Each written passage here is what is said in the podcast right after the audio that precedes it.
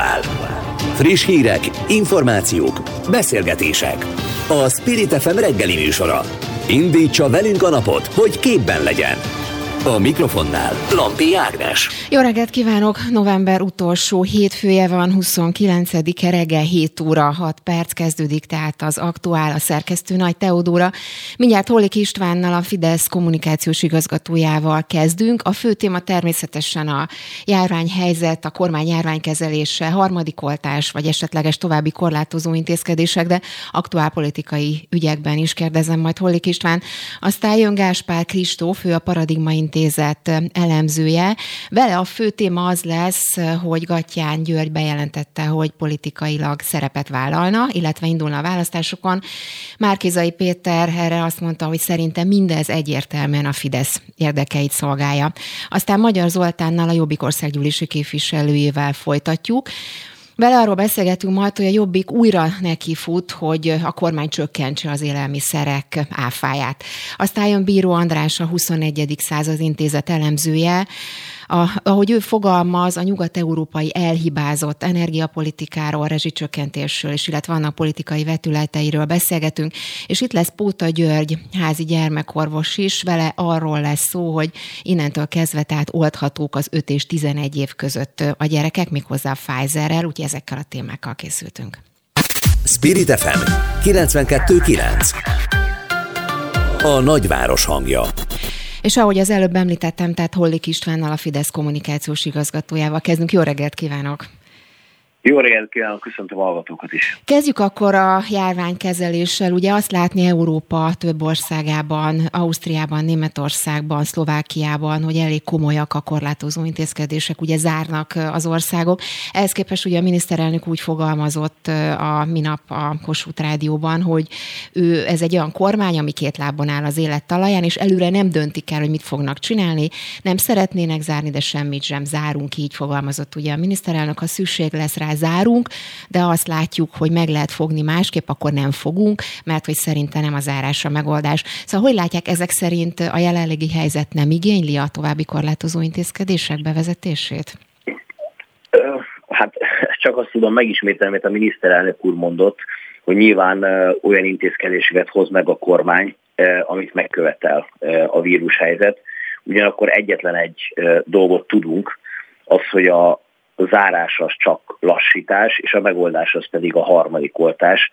És ugye ebben a tekintetben Magyarország jól áll, hiszen egész Európában nálunk kapták már meg a legtöbben a harmadik oltást, és teljesen nyilvánvaló, hogy a negyedik hullámot, meg hogyha a szakértőknek igaza van, akkor az ötödik hullámot is úgy tudjuk átvészelni, úgy tudjuk visszaverni eh, a vírus újabb támadását, hogyha a harmadik oltást eh, minél többen megkapják, hiszen a nyilvánosságra került tudományos cikkekben fellehető adatok mutatják, a két oltásnak a hatékonysága az azért 6-7 hónap után elkezd csökkenni. Ez nagyjából minden oltástípussal így van, tehát magyarul kell a megerősítő oltás akkor, hogyha azt akarjuk, hogy továbbra is védettek Ugye azért, azért jogosak most ezek a, a kérdések, egyrészt megjelent ugye az új variáns, nyilván ön is találkozott vele, ugye az Omikron, ami hát világszerte komoly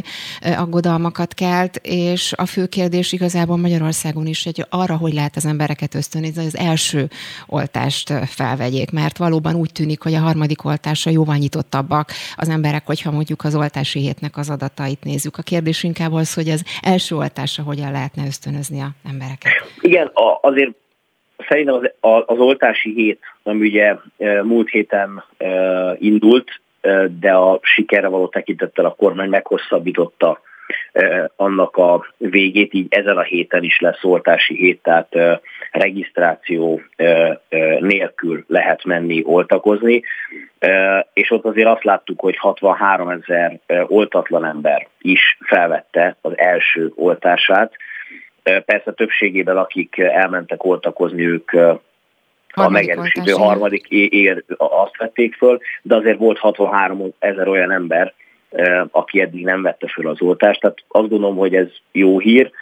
Ugye ezzel most már átlépte a 6 milliót az oltottak száma, de továbbra is azt mondjuk szakemberek is ezt megerősítik, hogy a harmadik oltás az a megoldás, úgyhogy én nagyon remélem azt, hogy ezen a héten, tehát az oltási hét az, ahogy folytatódik, még több ember kaphatja meg, vagy az első oltását, vagy a megerősítő Tehát akkor oltását. további intézkedéseket ilyen vonatkozásokban nem terveznek, ha jól értem, és hát nyilván ugye vannak, nyilván ön is nézik a kutatási adatokat, például a Policy Solutions készített egy friss felmérést arról, hogy mondjuk a magyaroknak elég nagy része, jelentős része mondjuk elutasítja például a kötelező védőoltást, és hogy csak harmaduk vette fel, vagy tervezi felvenni egyébként a harmadik adag vakcinát, és azért kérdeztem a külföldi példákat, mert ott például az oltatlanoknak a korlátozására látni intézkedéseket. Ilyesmit terveze a kormány?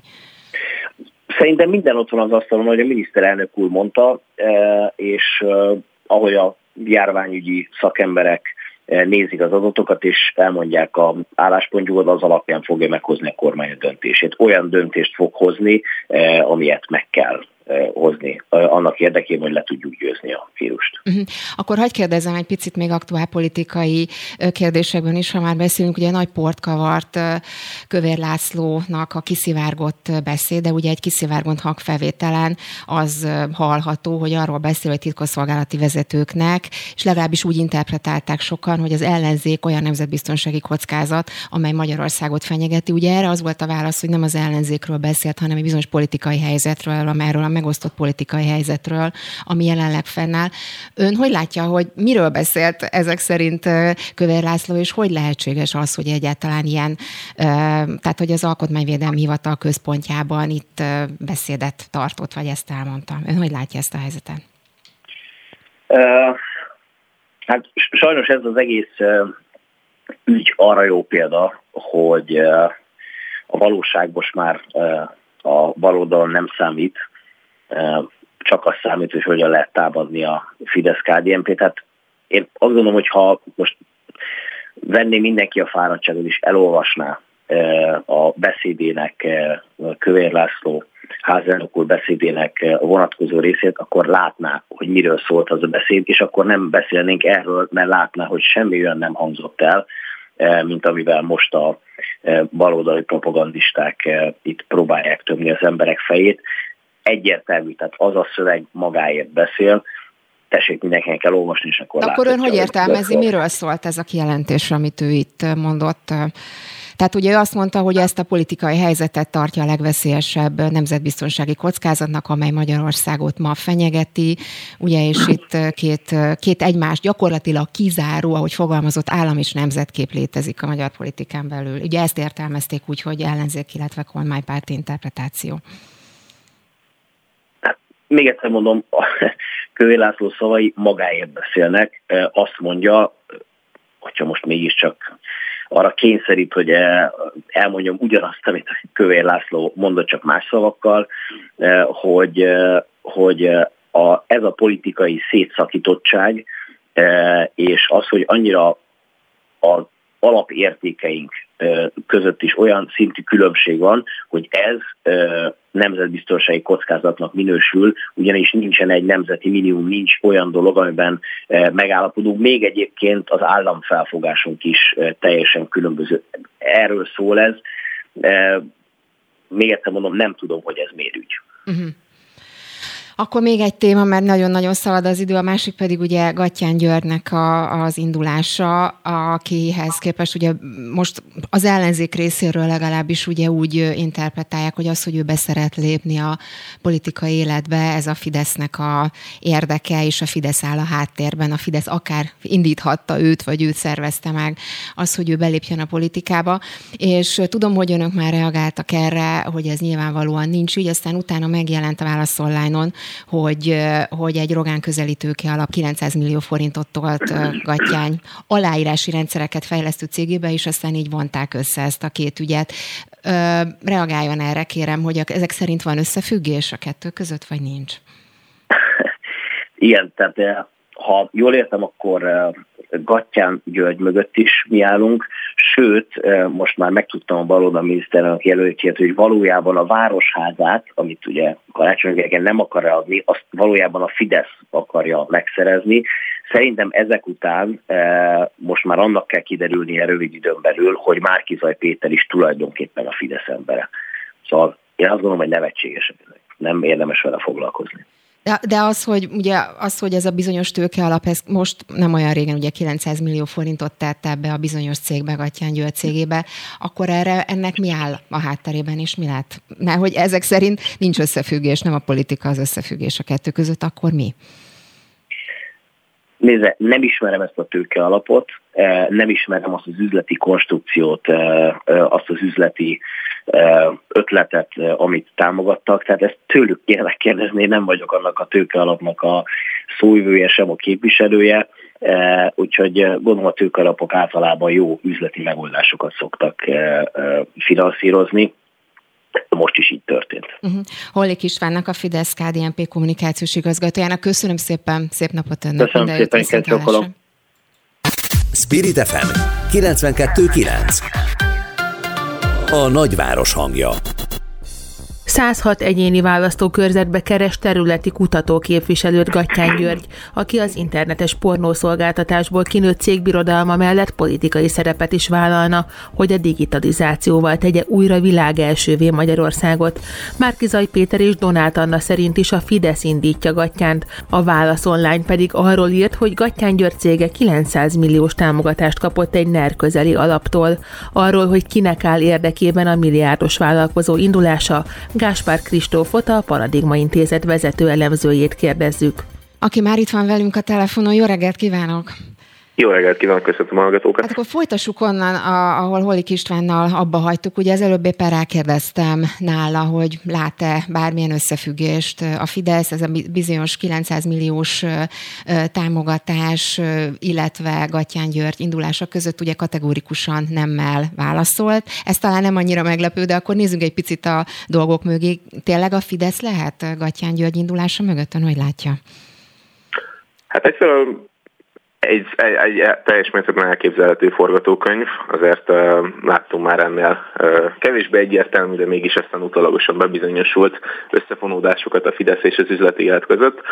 Uh, itt azért uh, ez, ez egy viszonylag egyértelmű magyarázatnak tűnik akár ez a 900 milliós uh, pénzátutalás is. Uh, ugyanakkor azt is látni kell, hogy nem teljesen egyértelmű, ettől függetlenül sem, hiszen azért nehéz lenne megmagyarázni, hogy pontosan akkor mi az érdeke itt Gattyán Györgynek, olyan üzenetekkel kampányol, ami alapvetően inkább a változásra, inkább a mindenkori ellenzéki létre, akár egy ilyen harmadik utas ellenzéki létre is utalnak, sem pedig az látszik, hogy igazából itt, itt pontosan akkor kitől is szeretne elvenni Gattyán György szavazókat, hiszen ugye ez a legfontosabb kérdés, ha Gattyán György valóban elindul a választáson, akkor pontosan kinek a szavazótábrát fogja aprítani. Ez, ez, ez egyáltalán nem egyértelmű. Már önmagában az sem, hogy Gattyán György tényleg el fog indulni a választáson, az viszont meg pláne nem, hogy ez igazából Márkizaj Péternek, vagy pedig Orbán Viktornak, illetve követőjének tenne inkább rosszat. Igen, és ugye azért is érdekes ez a helyzet már csak, ha az ő személyét nézzük. Ugye ő nagyon sokáig nem is nagyon tűnt föl a közéletben. Úgy értem, hogy nem is nagyon lehetett látni, hallani róla. Most ugye hirtelen előkerült néhány hónappal a választások előtt. Talán ezért is jönnek elő ezek a bizonyos forgatókönyvek, amelyek erről szólnak, amiről itt most beszélünk. Ő mégis mit valószínűsít, hogy, hogy azért az, hogy egy ilyen kaliberű üzletember előkerül, és azt, azt jelenti be tulajdonképpen, hogy politikai pártot alapít, indít a választásokon, azért tényleg néhány hónappal most már a, a választások előtt, azért az vala, valamilyen trendet azért csak jelez. Ön számára mit? Nemzetközi trend, és ezért az utóbbi mm, hát három évtizedben is magyarán történetben rendszerváltás követően azért voltak erre vonatkozó jelek is, hogy azért a, a gazdasági szereplők, sikeres gazdasági szereplők, komoly üzletemberek, milliárdosok azért érdeklődnek a politika iránt, hiszen azért hogyha valaki mondjuk az élet bármilyen területén nagyon sikeresnek gondolja magát ténylegesen, úgy ezért nagyon sokat letett az asztalra, milliárdos vállalkozóvá tudta kinőni magát az ország egyik leggazdagabb emberévé, akkor miért ne próbálná ki magát akár kettelésből, akár tényleg valamilyen hitbéli dologból, elszántságból, saját ambícióból egy másik területen is, a politikában. Nyilvánvalóan nagyon, nagyon más itt a, azért a sikernek a mércé, hiszen az egyikben ugye gazdasági életben ugye alapvetően pénzt kell szerezni, és akkor lesz az ember ember sikeres, még a politikában inkább az embereknek a bizalmára kell törekedni, azt kell minél nagyobb számban megszerezni és fenntartani, de akár tényleg, hogyha csak a legismertebb példát nézzük, Donald Trump esetében is azért azt láttuk, hogy van ilyen fajta átmenet, és, és akár ez is ideig, óráig sikeres is tud lenni. Gatyán is lehetséges, hogy valami nagyon hasonló, lehetséges, hogy jól előre elkészített stratégiát követ, ugye itt a nagy titkolózás azért erre enged az ő részükről legalábbis Gatyán Györgyék részéről következtetni, hogy itt valamilyen nagyon komoly stratégia van, és most még csak az első felvonását látjuk ennek a történetnek, és hát valami, valami, valami egészen újat szeretne csinálni. Ez igazából az azért nehéz megejtelni, hogy ez kinek tenni jót, és ez kinek az érdekeit szolgálja, hiszen egyelőre csak azt látjuk, hogy ez mind Gattyán Györgynek jó.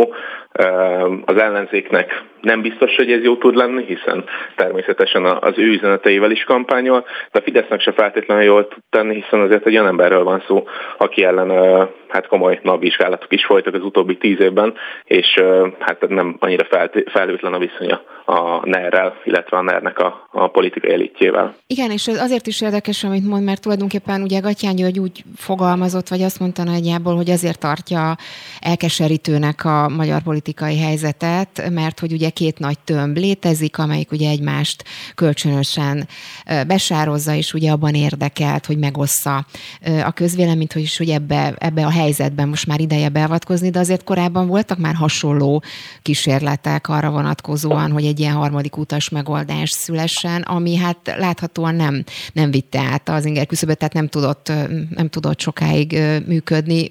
Ezek szerint mégis most lehet, hogy erre van igény ön szerint a társadalomban? Tehát erre bizonyos harmadik utas megoldásra? Hogy látják? Hát igen, tehát ez abszolút igaz, hogy volt nagyon sok harmadik utas kísérlet, és egyik se volt túlságosan sikeres. Legutóbb nyilván Puzsé Robertnek a főpolgármester jelöltsége, ez abszolút egy ilyen harmadik utas kísérlet volt, de hát egy kicsit visszanézünk, akkor az LMP-nek vagy a Jobbiknak tulajdonképpen ez volt az alakulásának az egyik legfontosabb célkitűzése, hogy ne a Fidesz, illetve a baloldal legyen csak a, a politikai porondon, hanem valami harmadik út is képződjön, és hát látjuk, hogy mi lett bármelyik szereplőnek is pártnak, vagy, vagy tényleg politikusnak is a vége. Gattyán Györtán abban lehet izgalmasabb, hogy abszolút politikán kívülre érkezik, tehát egy olyan nem, nem közélettel foglalkozó, nem a közéletben jártas szereplőről van szó, aki egy személyben szeretne valami izgalmas és új dolgot csinálni, és valószínűleg ez az izgalmassága, ez az új dolog az, hogy ha nyilvánvalóan nem is végtelen forrás áll rendelkezésére, de hogyha ő a saját vagyonát meg az üzlettársának a vagyonát egy jelentős részben fel akarja használni, akkor nyilvánvalóan hát fel kell kötni a gatyáját mindenkinek, aki politikai porondon szembe akar vele szállni, az egészen biztos. Már, mint nyilván, aki korlátlan állami forrásokkal rendelkezik, annak kevésbé, de mindenki másnak pedig igen.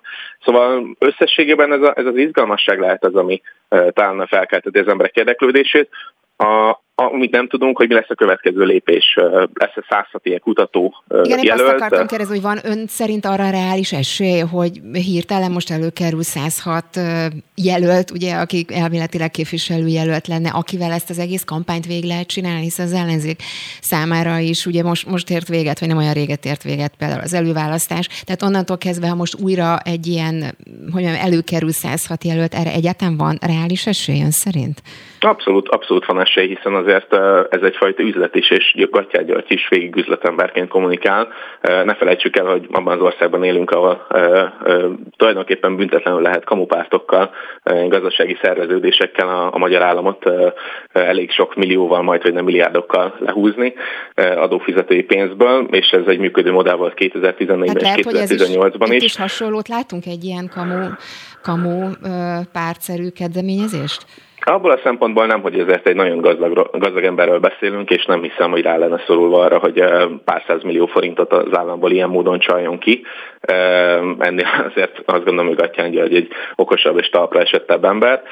Én inkább azt gondolom, hogy neki, neki van valamilyen fajta víziója, ezt még nem látjuk, hogy ez inkább a Fidesznek, vagy inkább az ellenzéknek kedveze, de van egy saját víziója, az egészen biztos, és hogyha ő ezt őszintén gondolja, hogy ezt végig szeretné csinálni, akkor abban biztos vagyok, hogy százat embert fog találni, hiszen, ahogy mondta is, az előválasztás vesztesei, vesztes jelöltjei között azért lehet, hogy nem mindenki szeretne beállni végül is a saját közvetében győztes jelölt mögé. Erre már azért, hogy nem is ilyen nagyon erős példákat láttunk, de, de azért van olyan, aki akár egy ilyen független jelöltként is szívesen elindulna a választáson. Több ilyen körzetről is lehet tudni, például ahol lesz ilyen plusz független jelölt, ami nyilván Fidesznek kedvez természetesen, őket miért ne fogna össze Gattyán György akár, illetve hát azt is tudni lehet, hogy azért, hogyha valakit megkeresik egy csomó irakat pénzzel, hogy induljon el politikusnak, akkor azért elég sok vállalkozó szellemű ember van Magyarországon, szívesen elindul politikusnak, szívesen keresne egy-két-három millió forintot, ki tudja mennyit még egy utolsó kérdés a végére, hogy ugye van, vannak olyan kisebb pártok, amelyek nem csatlakoztak be egyelőre az ellenzéki összefogásba, ugye itt a Mi Hazánkra gondolok, a Kutyapártra gondolok, vagy akár most az esetlegesen összeálló Gattyán György képviselőkre. Ezek a, ezek a pártok, ezek elegendőek lehetnek ahhoz, hogy mondjuk eldöntsék a választást olyan értelemben, hogy, hogy, hogy elviszik mondjuk az ellenzéknek a szavazatait? Abszolút, abszolút nagyon veszélyes az ellenzék számára, és nem is véletlenül fogalmaztak úgy azért az ellenzék körüli szereplők, hogy például a kutyapártnak a sikeressége az alapvetően az ellenzéknek a sikertelenségét jelenti, stratégiai fontosságú az, hogy a kutyapárt az melyik körzetben lesz például sikeres. Nagyon fontos az, hogy a mi hazánk az a, a Fidesznek nyilván azonos, szinte azonos old, irányultságú, beállítottságú szavazótáborral ő, pontosan hol és milyen típusú jelöltjei lesznek azért el tudhatják dönteni, ilyen kielezett helyzetben el tudja dönteni alapvetően ezek a, ez a pár kis szereplő is, hogy pontosan akkor milyen többség lesz a parlamentben. Azt azért látni kell, hogy jelen pillanatban két kis pártnak van esélye, a kutyapártnak, illetve a mi hazánknak van esélye, hogy ténylegesen mandátumot szerezzen a parlamentben, az, hogy frakciót is alapítsanak, arra még azért azzal még várni kell de biztos, hogy fontos. Igen. Izgalmasan alakul majd. Köszönöm szépen Gáspár Kristófnak, a Paradigma Intézet elemzőjének. Szép napot önnek, viszontlátásra minden Köszönöm. Jót. Köszönöm, és szép napot. Aktuál. Friss hírek, információk, beszélgetések. A Spirit FM reggeli műsora. Indítsa velünk a napot, hogy képben legyen. A mikrofonnál Lampi Ágnes. Meg kell fékezni a brutális drágulást, ennek érdekében petíciót indított a Jobbik Stop drágulás címmel. A kezdeményezés célja az alapvető élelmiszerek áfájának azonnali csökkentése. A párt szerint ugyanis a kormány nyerészkedik az élelmiszerek árán. A részletekről Magyar Zoltánnal a Jobbik országgyűlési képviselőjével beszélgetünk. Így van, jó reggelt kívánok! Jó reggelt, köszöntöm a hallgatókat. Ugye a Jobbik elég régóta próbálja elérni azt, hogy csökkenjen az élelmiszerek áfája, akár évekre visszamenőleg is. Most újra előhozták ezt a témát. Ugye Jakab Péter azt írta a Facebook oldalán, hogy 27%-os áfát egyetlen uniós országban sem szed be a kormány, csak nálunk, itt viszont mindenkitől, minimálbérestől közmunkáson, át kisnyugdíjasig. Mit gondolnak, hogyha eddig nem sikerült átvinni, akkor most mi változhat, vagy változhat egyáltalán? Egyáltalán bármi ezzel a petícióval? Hát azért változhat, hiszen ha más nem, akkor a brutális mértékű drágulás az mindenképpen egy új jelenség. Hát eddig is azért azt tapasztaltuk az évről évre, hogy sokat emelkedtek az élelmiszerek árai, de ami azért az elmúlt egy évben van, az tényleg kiemelkedő, és egyre több család számára jelent nagyon-nagyon súlyos terhet. Másrészt meg hát azért nyilván naívak sem vagyunk, tehát hogyha a kormány az eddigi politikáját folytatja, és az ellenzék minden egyes javaslatát továbbra is lesöpri, akkor is van értelme beadni ezeket a törvénymódosításokat, hiszen ha másért nem, legalább a polgároknak üzenünk azzal, hogy egy kormányváltás esetén milyen új politikára lehet számítani a mostani ellenzék pártjaitól. Mhm. Egyébként nézve elemzéseket, meg néhány évet azért visszapörgetve azt látni, hogy mondjuk az egyes élelmiszereket vizsgálva, például a statisztikai hivatal számai azt mutatták, hogy önmagában az áfa csökkentés ez nem hozott tartós árcsökkenést, még ha volt is egyébként ilyen átmeneti hatás, és itt akkor ugye végig nézhetjük egyébként a konkrét árakat, mert mondjuk a marhahúsnál az áfa csökkentés évében nem mérséklődtek az árak, legalábbis mondom, itt a statisztikai hivatal adatait néztem. A sertéshúsznál igen, ám mindkettőnél mondjuk a következő évben újra növekedésnek indultak a, az árak. Igen, ezt tapasztaltuk mi is, ezért van az, hogy a törvénymódosításunk az nem szimplán annyit ír, hogy a magyar állam az csökkentse az alapvető élelmiszerek esetében 5%-a az áfát, hanem elvárnánk azt, hogy az állam a lehető legtöbb eszközével szorítsa rá a kereskedőket arra, hogy ez az áfa csökkentés valóban a vásárlóknál legyen érezhető. Tehát az államnak azért ezek az eszközei megvannak. Ha más nem, akkor például a hipermarketek esetében egy etikai kódex, amit Nyugat-Európában jó néhány hasonló alkalommal bevetettek, az mindenképpen hasznos lehet, amelyben ezek a hipermarketek vállalják ezt a terhet, és erre rá kell az államnak mondom minden eszközzel szorítani őket. Ez ez uh-huh. mellé persze ellenőrzéseket kell párosítani, és ki kell alakítani azt a mechanizmust, ami ezt lehetővé teszi. De ez mindenképpen kormányzati feladat, tehát ezzel mentegetőzni a kormány részéről azt hiszem, hogy, hogy nem helyes, meg kell lépni, és aztán ellenőrzéseket be kell tartani. Uh-huh. Igen, egyébként nem csak erre, nem csak a kormány részéről, de például a GKI vezetője is azt mondta, hogy mindez az áfa csökkentés, ez azért nagyon részpiac és termék függő, és nagyon eltérő eltérő az, hogy ennek milyen hatással lehet az árakra, mert ahogy ő fogalmazott, például a mikropiacok, vagy akár a heterogén szereplők nagyon eltérően reagálhatnak. Ön, ön szerint egységes, egységes rendszer, rendszerre lenne szükség? Vagy, vagy különbözően kellene mondjuk a különböző szereplők számára ezt megoldani? Hát mi most egy egységes áfa csökkentésre tettünk javaslatot, de természetesen ennél bonyolultabb a kérdés. Ezért van az, hogy az áfa csökkentés az az élelmiszer problémakörnek csak az egyik lába. Nyújtottunk be törvénymódosítást a, a középtávú élelmiszer stratégiával kapcsolatban, és egy hosszú távú úgynevezett élelmiszerről rendelkezéssel kapcsolatos törvénymódosítást is. Ez lenne az a három fő terület, ami megvalósulása esetén elérnénk azt, hogy Magyarország tartósan a saját agráradottságaihoz méltóan legyen képes a polgárait megfelelő minőségű és mennyiségű megfizethető élelmiszerrel ellátni. Tehát a, az áfacsökkentést azt az itt és most azonnal ö, probléma enyhítésre lehetne felhasználni, de ennél valóban jóval több kell ahhoz, hogy ez hosszú távon működjön. Egyébként, ha már a hosszú távról beszélgetünk, ugye a kormány ezekre a felvetésekre, és azért mondtam, hogy ez már évek óta előkerült ez a téma, mert ezekre a felvetésekre ugye mindig úgy reagál, hogy a kormánynak az adópolitikájának, annak a fókuszában nem ez, hanem ugye már csak nem, nem is tudom hány éve ugye a munkát terhelő adók csökkentése áll, mert hogy az bizonyítottan hatásosabb gazdasági élénkítő eszköz lehet, mint az áfa csökkentés. Tehát ugye elég régóta megy már ez a, ez a, ez a rendszer, vagy ez a szöveg, igen. Igen, igen, hát elég sokszor hallottam én igen. is, csak az a helyzet, hogy az elmúlt évtized tapasztalata azt mutatja, hogy ez pusztán nem eléggé eredményes. Tehát itt élek az osztrák határtól 10 kilométerre, és jól látom, ahogy évről évre, lépésről lépésre utolértük a nyugati árszínvonalat a legtöbb termék esetében, miközben a béreknél, ha történt is előrelépés, az, az messze nem érte el ezt a szintet, ezt az arányt, így az olló tovább nyílt mondjuk az ausztriai polgárok és a magyar polgárok életszínvonala között. Tehát ebben a formában lehet, hogy ez a kormánynak a stratégiája és a célja, de hogy nem érte el azt, amit kommunikált, az biztos. Uh-huh. Önök hogyan kalkulálnak? Ugye 5%-ot, vagy 5%-ot gondolnak megfelelőnek, ugye?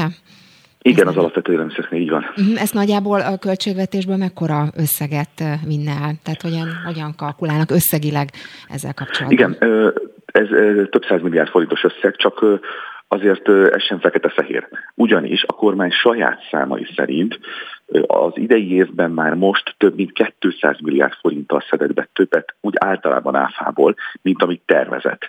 Tehát az a helyzet, hogy már most van egy hatalmas többlet a költségvetésben a áfából, ha csak ezt a 201 néhány milliárd forintot fordítanánk erre az alapvető élelmiszer áfakör csökkent, áfa csökkentésre, már akkor a legtöbb alapvető élelmiszer esetében elérnénk ezt a célt. Uh-huh. Utolsó kérdés, hogy lenne olyan termék, a, akár bármelyik élelmiszer esetében, ahol mondjuk befagyasztanák az árakat jelenlegi helyzetben? Bár, az árbefogyasztás helyett mi pontosan inkább az áfa csökkentést szorgalmaztuk első körben, de természetesen, hogyha ezt nem hajlandóak elfogadni, vagy bármi másokból meghiúsul, akkor, akkor el kell ezen is gondolkodni ezen az eszközök, és így van. Uh-huh. Magyar Zoltának, a Jobbik országgyűlési képviselőjének köszönöm szépen, szép napot önnek, viszont hallásra. Köszönöm, viszont hallásra. Spirit FM 92.9 a nagyváros hangja.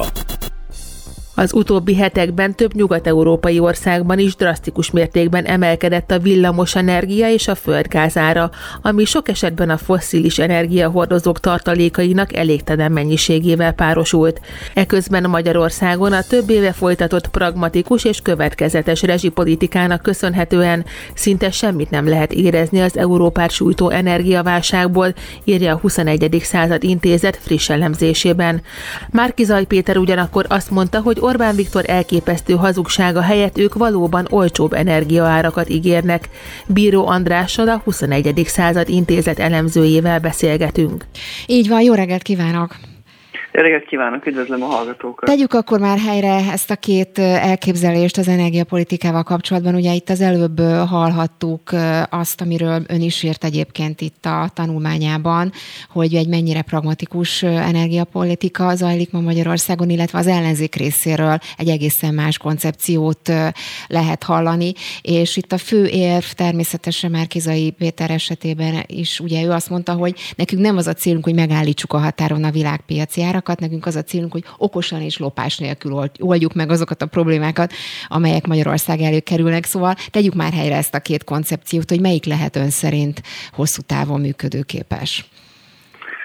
Igen, ezt az elemzést két kollégámmal, Matyi Tamással, illetve Kosztor Andrással jegyezzük, és ebben az elemzésben azt fejtjük ki, hogy a nyugaton tapasztalható energiaválság mögött több tényező áll, amelyek egymás hatását felerősítik. Ugye egyrészt, ahogy a felvezetőben is elhangzott, ez az elhibázott energiapolitika, amely gyakorlatilag egyik napról a másikra akar megszabadulni a foszilis energiáktól. Másrészt a koronavírus járvány következtében kialakult gazdasági visszaesés és, ener- és energiaigény is csökkent, majd a visszapattanás után ez, ezeknek az aránya is megnőtt. Az orosz ellenes szankciók szintén hozzájárultak ehhez az északi áram kettő földgázvezetéknek a készleltetése, illetve a Gazprom ellen bevezetett új energiapolitikai csomag is hozzájárult ehhez, valamint ugye a fixáras, hosszú távú gázszerződések helyett rövid távú tőzsdei áras kereskedést folytattak az európai államok, amelyeknek a célja az lett volna, hogy az egyoldalú orosz függést csökkentsék és a diversifikálást növeljék, viszont ahogyan a jelenlegi példa is megmutatja, ez gyakorlatilag kontraproduktív, kontraproduktív hatást ért el, és Oroszországot ö, hozta helyzetbe. Amit Magyarországon most tapasztalunk, ö, ugye ez a kormány pragmatikus és hosszú távú energiastratégiájának, valamint a rezsiárak alacsonyan tartásának ö, köszönhető, hogy ide nem gyűrűztük be ilyen mértékben ezek a hatások. Ugye ez egy ideológiamentes ö, geopolitikai megközelítés, a magyar kormány részéről, és összességében azt, azt mondhatjuk el, hogy jelenleg ugye a magyar lakosságnak kb. a 80%-a támogatja a rezsicsökkentést, mivel érezhetően kevesebbet kell fizetniük a rezsiért. Igen, ugye csak, bocs, hogy szalva vágtam, csak ugye itt pont ez a lényeg, amiről beszél egyébként már Kizai Péter is, hogy, hogy ezek a befagyasztott árak ugye óriási veszteséget okoznak, vagy okozhatnak mondjuk az állami cégeknek, aztán utána ugyanezt a pénzt ugyanúgy az adófizetők fogják majd a későbbiekben megfizetni, csak lehet, hogy más címen, de a pénzt magát ugyanúgy az adófizetőktől kapja majd a, ehhez az egész konstrukcióhoz az állam. Jó, akkor erre két uh, választ adnék. Az egyik az, hogy Márkizaj Péter azért sokszor elszabadult hajóágyuként mond dolgokat. Ugye ez, ezen kijelentése kapcsán azt is elmondta, hogy csak a legostobább emberek hiszik el azt, hogy a rezsicsökkentésnek köszönhetően kevesebbet fizetnek, és hogy a sötétségben tartott rágyával etetett gombák azok, akik elhiszik ezt a rezsicsökkentést, ez már önmagában is felháborító kijelentés. Miután az emberek a, nek a saját pénztárcája bánja, az energiapazarlás ki az, aki nem törekszik a spórolásra, a magyar kormány ráadásul rengeteg állami támogatáson keresztül ösztönzi a lakosságot az energetikai korszerűsítésre, például a fűtés korszerűsítés, a lakóépületek energiahatékonysága vagy a napelemépítések terén. És a másik kérdésre pedig az lenne a, a válaszom, hogy Magyarországon az elmúlt tíz évben a magyar földgázkereskedő ZRT vette meg a gázt az oroszoktól, vagy Nyugat-Európában piaci áron, amit aztán egy úgynevezett felajánlási áron adott tovább a nemzeti közműveknek, és az értékesítette a lakosságnak rezsicsökkentett díjon, ami ugye a lakosságilag ö, hatósági árhoz volt közelebb. Később ugye az évtized közepétől az amerikai LNG cseppfolyósított gáz megjelenésével pedig egy új alternatíva is lett, így pedig a nagykereskedő, magyar földgázkereskedő ZRT olyan tartalékokat tudott felhalmozni, amit pont az ilyen inségesebb időkben lehet kiaknázni, szóval Magyarországnak a gáztartalékai jelenleg is 84%-os töltöttségi szinten állnak, gyakorlatilag az egész térre biztosított az ellátás, még egy esetleges márciusi-áprilisi fogyasztás esetén is a belföldi kitermeléssel és minimális importtal fedezni lehet a lakosságnak az igényeit. Szóval... nagyon, uh-huh. nagyon-nagyon sok mindent szerettem volna még kérdezni, elszaladt az idő, szerintem beszélünk majd még erről. Nagyon szépen köszönöm Bíró Andrásnak, a 21. század intézet elemzőjének. Szép napot önnek, viszontlátásra minden jót. Szép napot, viszontlátásra. Spirit FM 92.9 a nagyváros hangja. Engedélyezte az Európai Gyógyszerügynökség az 5 és 11 év közötti gyermekek számára is a Pfizer vakcinát, ami december 20-a után itthon is elérhető lehetőség lesz. Orbán Viktor ennek kapcsán a pénteki rádió interjújában elmondta, arra buzdítja a szülőket, hogy oltassák be a gyerekeiket is. Rusvaj Miklós virológus viszont úgy nyilatkozott, hogy nem oltatná be a kisgyermekét. A kérdésről Póta György házi gyermekorvossal beszélgetünk. Így van, aki már itt van velünk a telefonban. Jó reggelt kívánok! Jó reggelt kívánok! Így van, ugye két különböző véleményt hallottunk, akár már itt a bejátszóban is. Ön hogy látja, be kell oltatni hát, a gyerekeket? Akkor válaszolok a, először a kérdésre azzal, hogy igen, és utána azt mondom, hogy sajnos, és ez nem csak ebben az egy kérdésben jellemző, hanem elég ö, sok mindenben a koronavírus járványal kapcsolatban, hogy ö, egyébként hát mondjuk jelen esetben nem a miniszterelnök ura gondolok, hanem a virológus professzorra, tehát szakemberek is egymástól ellentétes véleményt hangoztatnak, és minden megjelenik azonnal a médiába, vagy a közösségi médiába, ami pont arra jó, hogy az embereknek a gondolkodását teljesen összezavarja. Elmondtuk nagyon sokszor a gyermekgyógyász szakma teljesen egységesebben a képben, hogy egy, a gyerekeket, miután ők oltatlanok, a negyedik hullám számszakilag sokkal inkább érinti, és ezt a saját tapasztalatomból mondhatom, az előző hullámok idején nekem egy 1100-as körüli praxisom van, általában heti pár pozitív esettel találkoztam, most napi többes. Tehát naponta van annyi eset, ami az előző hullámokban egy héten keresztül volt, tehát biztos, hogy sokkal többet érint, és hiába egyetértve természetesen Rusai professzor abban, hogy a gyerekeket kevésbé érinti, de, de ha sokkal több gyerek érintett, akkor a, száz, a hiába alacsony a százalék, akkor sokkal több gyerek az, aki beteg lesz. A harmadik hullám idején megtanultuk, hogy mik azok a betegségek, itt ugye a sok ö, szervi gyulladásra gondolok, a rengeteg post-covid szindrómára, tehát amikor hetekig, sőt azt kell mondanom, hogy hónapokig idegrendszeri tünetekkel, tartós fáradtsággal, tehát a napi életet ellehetetlenítő tünetekkel, járó esetekkel találkozunk tömegével, tehát hogy a gyerekek is megszenvedik ezt a járványt, akármennyire persze nagy jó dolog, hogy nem halnak bele. És a harmadik, amit megint mindenki elmond, hogy a gyerekek minden járványnak az influenzától kezdve, és most a Covid-ra is érvényes, ha maguk nem is ö, a legsúlyosabb betegei, de mindenképpen a legerősebb hordozói, tehát a transporterek rajtuk keresztül mennek egyik családból a másik családba a vírusok. Ebből következik, hogy ha a gyerekeket nem tudjuk védetté tenni, akkor a vírus terjedését nem fogjuk tudni csökkenteni, nem fogjuk tudni megállítani. Ugye két dolog, ami felszokott most merülni ezzel kapcsolatban, ugye azt mindig el szokták önök is mondani, hogy nem új vakcináról van szó, a, ugye a Pfizer esetében, hanem egy csökkentett dózisról, amit megkapnának a gyerekek. Ugye ehhez képest most friss hírinformáció, hogy egy új variáns jelent meg, az Omikron jelent meg, és hát persze persze mindenki ugye azonnal azt kérdezi, hogy oké, okay, beadatom most a gyerekemnek ezt az oltást, de egyáltalán hatékony-e például a, akár az új variánsokkal szemben?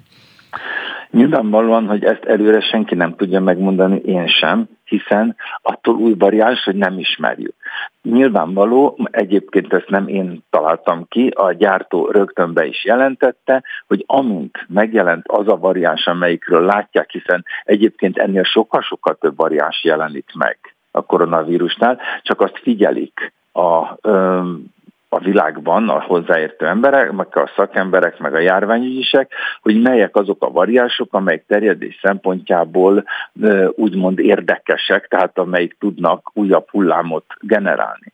És abban a pillanatban elkezdik vizsgálni, hogy a már forgalomban lévő vakcina az mennyire veszíti el a hatékonyságát az adott ö, mutánssal, az új, új mutánssal szemben. Ugyanez volt a negyedik hullámnál, amikor tudjuk, hogy például ezek a vakcinák az eredetihez képest veszítettek a hatékonyságukból, de még mindig elég hatékonyak ahhoz, hogy az oltottaknál a súlyos betegséget, a, a halálos kimenetet, azt meg tudjuk vele gátolni. Igen, és Tehát... ez most azért vetődik fel nyilván, mert ugye Magyarországon is bejelentették, ugye, hogy december 20-a után tudják elkezdeni oltani a gyerekeket, és valóban a, a Pfizer cég, meg Karikó Katalin is ugye azt mondta, hogy nagyjából két hét múlva kiderül, hogy hatékony mondjuk konkrétan a Omikron variáns ellen a jelenlegi vakcina. Ugye ehhez képest csúsznak itt össze az idők. Bocsánat, igen. hogy közbevágtam, tehát hogy mennyire hatékony, mert valamennyire fog, tehát ez nem egy új vírus, csak ahogy változik, nyilvánvalóan, hogy minél kevésbé hasonlít az előzőre, annál inkább az előzővel szerzett védettség kevésbé hat erre, az, erre a variánsra. Tehát ez az, amit senki nem tud pillanatnyilag, aki bármit most mond biztosat, azt azt kell mondanom, hogy az hazudik. Tehát ez most nem lehet tudni. Mhm. Igen, csak ugye ezért vetődött fel a kérdés a gyermekek voltásával kapcsolatban, hiszen ez így ilyen értelemben összecsúsztak most ezek, a, ezek, a, ezek hát, a, az idők. Nézze, ez most teljesen elméleti szintű, Igen. amit mondok. Amennyiben kiderülne karácsonyra, hogy a delta variáns, ugye ez a, ami a jelenlegi negyedik hullámot csinálja, a delta variáns eltűnik az országból, és csak az új jön helyette, ami ellen nem véd rendesen az oltás, akkor valószínűleg én is azt mondom, hogy várjuk meg, amíg a megváltoztatott oltóanyag ki fog jönni, de egyelőre ez még nem igaz. Arról nem beszélve, hogy nagyon sok szakember elmondja, hogy bármennyire kevésbé hatékony az oltás egy új variánssal szemben, a sejtes immunitást a szervezetben generálja. Tehát a szervezet nem lesz védtelen. Ezt tanítják az egyetemen olyan régi történet, hogy az immunrendszer nem felejt. Aki egyszer találkozott vele, azzal szemben már valamit tud kezdeni. Lehet, hogy ez nem sok, de én is abban hiszek, hogy lehet, hogy sokkal-sokkal többen meg fognak ebbe az omikrontól megregedni, mert éppen ez egy szerencsétlen irányban változtatott mutáns, de hogy akik megkapták az oltást rendesen, azoknál a legsúlyosabb ö, lefolyás az jóval enyhébb lesz majd, vagy mhm. kevesebb számú lesz, inkább így mondom, mint az oltatlanoknál. Egyébként erre már van hír, csak valamiért az emberek a rossz hírt azt mindig meghallják, a jót kevésbé. A dél-afrikai főorvosat, aki, akik már láttak ilyen beteget, nem, még csak hallottunk róla, ők látták, azt mondják, hogy egyébként az oltottakban a tünetek azok enyhék, csak sokkal nagyobb terjedéssel megy, tehát magyarul valószínűleg azok is meg lesznek fertőződve, akik egyébként oltottak. Egyébként, ha már itt tartunk, akkor egy ilyen kérdés még, ami elég sokakban fel szokott merülni, hogyha mondjuk kialakult például a térsejtes immunitás, akkor mondjuk miért van szükség egyáltalán az oltásra? Ugye ez is nagyon sokan kérdezik. Azért, mert nem tudjuk, hogy a, a térsejtes immunitás milyen gyorsan tehát fog reagálni a szervezet, ez biztos, de egyrészt azt nem tudjuk mérni, tehát az egy, az egy hit kérdése. Kettő, ezek sokkal lassabban fejtik ki hatásukat, mint a keringő antitestek. Valószínűleg, hogyha ez a járvány lecseng, és csak ilyen szorványos megbetegedések lesznek belőle, hiszen maga a vírus nem fog eltűnni a világból, abban biztos vagyok, akkor lehet, hogy nem lesz szükség oltásokra, mert azt mondják, hogy a T-sejtes immunitás elég ahhoz, hogy ha véletlenül találkozunk, akkor azért abból nagy baj ne legyen. Most, amikor erős járvány van, ott félő, hogy mire kifejti a szervezet a hatás, kifejlődik a szervezetben ez a hatás, addigra már egy olyan súlyos korkép alakul ki, hogy adott esetben most a példa kedvéért lélegeztetőgépre kerül az illető. És egyébként ezt semmilyen módon nem lehet mérni? Laborat, ezt úgy nem, biztos, hogy vannak speciális mérési lehetőségek, de úgy, hogy rutinszerűen az embereknek bemegy mondjuk az STK laborba, és leveszik a vért, és megmutatják, mm. úgy nem. Mm. Tehát sajnos úgy nagyon egyszerű lenne, mert akkor mindennel szemben tudnánk, hogy kinek van védettsége, és kinek nem. Tehát ez, ez így nem, nem működik sajnos. Póta György házi gyermekorvosnak köszönöm szépen a hasznos információkat. Szép napot ennek. Viszontlátásra. Viszontlátásra. Aktuál. Friss hírek, információk, beszélgetések. A Spirit FM reggeli műsora. Indítsa velünk a napot, hogy képben legyen. A mikrofonnál Lampi Ágnes. Így van, jó reggelt kívánok, folytatódik az aktuál 8 óra 7 perc van a szerkesztő Nagy Teodóra. Mindjárt Gerő Tamás ügyvéddel beszélgetünk a Pegazus ügy egyik újabb fejleményéről. Az ügyészség szerint ugyanis, mivel nem a belügyminisztérium vásárolta meg a Pegazust, így Kósa Lajos nem követett el bűncselekményt. Aztán jön Barkóci Balázs a DK szóvivője, vere a járványhelyzetről, a szigorításokról beszélgetünk. A párt szerint ugyanis lakosság arányosan négyszer annyian halnak meg koronavírusban hazánkban, mint az EU-ban. Itt lesz Menyhárt Orsolya, ő az Affidel Magyarország járóbeteg szakellátás orvosigazgatója. Vele tisztázunk néhány kérdést tesztekkel, oltott, oltatlan személyek tesztelésével, illetve a tesztek minőségével kapcsolatban is.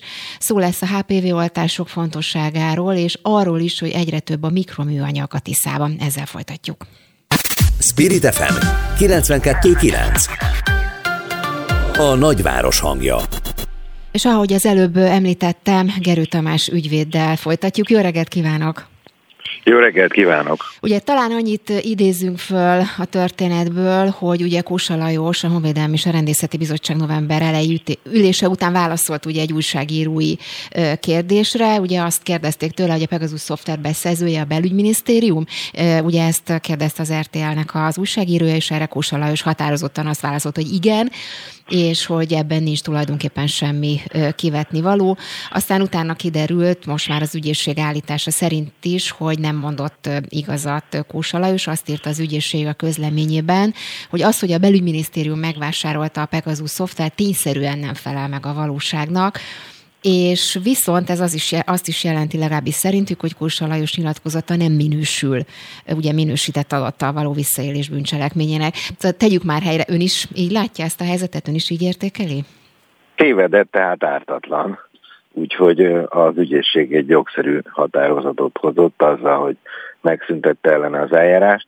Én nem érzékeltem egyébként a, a riportban olyan határozottnak ezt a választ, inkább bizonytalannak éreztem. Tehát valószínűleg a, a képviselő úr összekeverte a szakszolgálatokat a, a minisztériummal.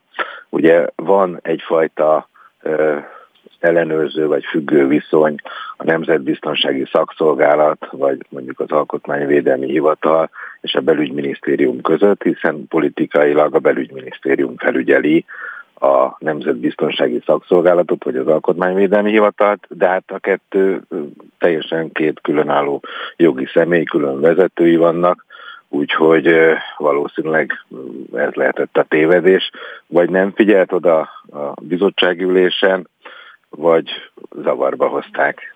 Ugye itt a fő kérdés az volt, hogy ugye a feljelentés arról szólt, hogy minősített adattal való visszaélés és hivatali visszaélés miatt jelentették föl, mert ugye nagyon sokáig a kormány egyetlen képviselője sem válaszolt arra, hogy egyáltalán megvásárolta a kormány, vagy nem, és ugye ehhez képest volt áttörés ez a, ez a nyilatkozat, és aztán utána ugye arról is szólt, hogy az ügyészség hivatalosan tudomással bír arról, hogy hogy a belügyminisztérium ugye Pegasus néven nem vásárol szoftvert. Ugye ez volt az áttörés is igazából a, a fő kérdés. Igen, tehát ez, ez a része úgy tűnik, hogy a a sajtóinformációkból is kiderült, hogy igen, magánszemélyeket, ellenzékinek mondható politikusokat, vagy újság, oknyomozó újságírókat, vagy hát ügyvédeket is megfigyeltek ezzel a bizonyos Pegasus szoftverrel. Ugye a titkos információgyűjtésnek többféle oka lehet, lehet nemzetbiztonsági, és lehet bűnüldözési célú. Itt vagy mondjuk az ügyvédek esetében olyan személyekkel léphettek kapcsolatba az ügyvédek, vagy olyan személyek léphettek az ügyvédekkel kapcsolatba, akik valamiért a nemzetbiztonságnak a látókörébe kerültek. Nyilvánvalóan valamilyen szükséges és arányos mértékben lehet csak a magán szférát így módon megsérteni, tehát ezt a fajta célhoz kötöttséget figyelembe kell venni minden esetben. Én azt gondolom, hogy ez ma már nem, nem lehet kérdés, hogy, hogy ez a titkos információgyűjtés vagy, vagy megfigyelés ez, ez létezett, de természetesen, hogy konkrétan ennek mi volt az alapja, és ezt aztán hogyan használták fel, erről semmit nem tudunk. Ugye ehhez képest most sokan azt kérdezik, vagy az is a fő kérdés, hogy oké, okay, hogyha nem a belügyminisztérium, de akkor feltehető-e az a kérdés innentől kezdve, hogy kivásárolta meg ezt a bizonyos szoftvert, hogyha nem a belügyminisztérium, és hogy ezt el lehet árulni, ez mennyire minősített adat akkor innentől kezdve? Én, én azt gondolom, hogy ez már minősített adat, lehet találgatni, hogy a, a titkos információgyűjtésnek a technikai hátterét, tehát magát a, a, a lehallgatásokat ugye a Nemzetbiztonsági Szakszolgálat végzi, a, a belső elhárítást, a, azt a, a tehát amikor a szervezet bűnözéssel kapcsolatban e, a, a nemzeti védelmi tevékenységet folytatnak, ugye azt az Alkotmányvédelmi Hivatal végzi, tehát lehet találgatni, hogy most melyik nemzetbiztonsági szerv rendelte meg, vagy használta fel ezt a Pegasus szoftvert.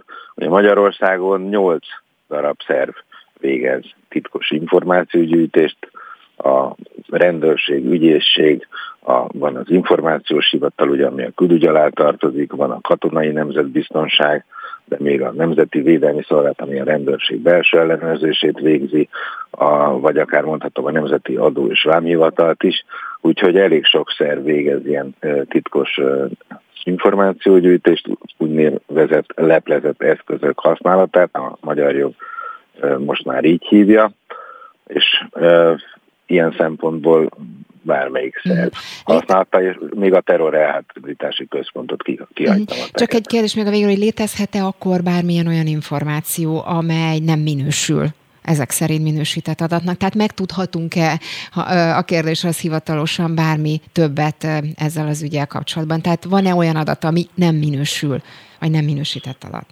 Az a személy, aki úgy érzi, hogy őt megfigyelték, a, az egyébként fordulhat ilyen kéréssel a, az ombudsman felé. Az egy más kérdés, hogy a nemzetbiztonsági szolgálatok megtagadhatják ezt a kérést azzal, hogy mondjuk bűnöző, bűnüldözési okot sért azt, hogy ők ezt a, az információt kiadják. Tehát nagy valószínűséggel ezeket az információkat soha nem fogjuk megtudni. Uh-huh. Gerő Tamás ügyvédnek nagyon szépen köszönöm. Viszontlátásra minden jót ennek. Viszontlátásra. Spirit FM 92.9 A nagyváros hangja Hazánkban nincs ingyenes tesztelés, nincs kontaktkutatás és nincs valódi járványvédelem. Ennek köszönhetően pedig Magyarországon lakosságarányosan négyszer annyian halnak meg koronavírusban, mint az Európai Unióban állítja a DK. Erről, valamint az ellenzéki járványkezelési stratégiájáról Barkóci Balást a DK szóvivőjét kérdezzük. Így van, aki már itt van velünk. Jó reggelt kívánok! Kezdjük csak, nem jó reggelt kívánok De nézz, nézzük akkor ezt a járványkezelést. Ugye önök ezt az előbb is hallottuk a bejátszóban, hogy hogyan értékelik a kormány járványkezelését. Önök hogyan ösztönöznék mondjuk az embereket arra, hogy minél többen vegyék föl az oltást, vagy mondjuk menjen, menjenek tesztelni? Tehát mit tehetne még a kormány, ami segíthetné ezt a folyamatot?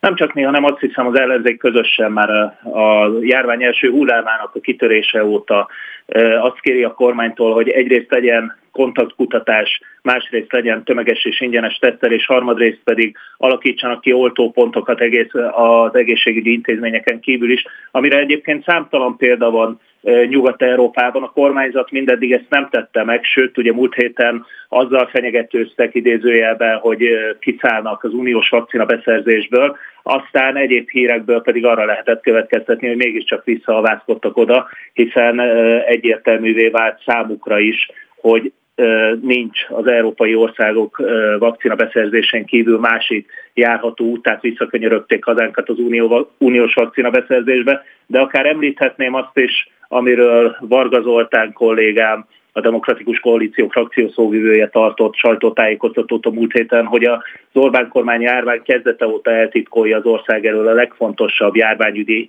adatokat, ez pedig a negyedik hullámban sincsen másképpen. Tehát mi úgy látjuk, hogy mivel nincsen egy ingyenes tesztelés, nincsen kontaktkutatás és nincsen valódi járványvédelem, Magyarországon lakosság arányosan négyszer annyian halnak meg koronavírusban, mint az Európai Unió más országaiban mindez odáig vezetett, hogy ma már vészesen közeledünk a 34 ezer magyar halálos áldozathoz, ami viszont világszinten is kiugró halálozási arány. Ugye Orbán Viktor úgy fogalmazott a minap a rádió beszédében, hogy az egészségügyisek emberfeletti munkát végeznek, és hogy ők ki fognak tartani, és rajtuk például, ahogy tudott, segített a kormány, orvosbér, ápolóbér emelések, és hogy ezek mindenképpen olyan lépések, amelyek azt jelentik, hogy az ország, illetve a kormány nagyon is támogatja, vagy igyekszik támogatni az egészségügyi egészségügyi dolgozókat ebben a helyzetben? Ja.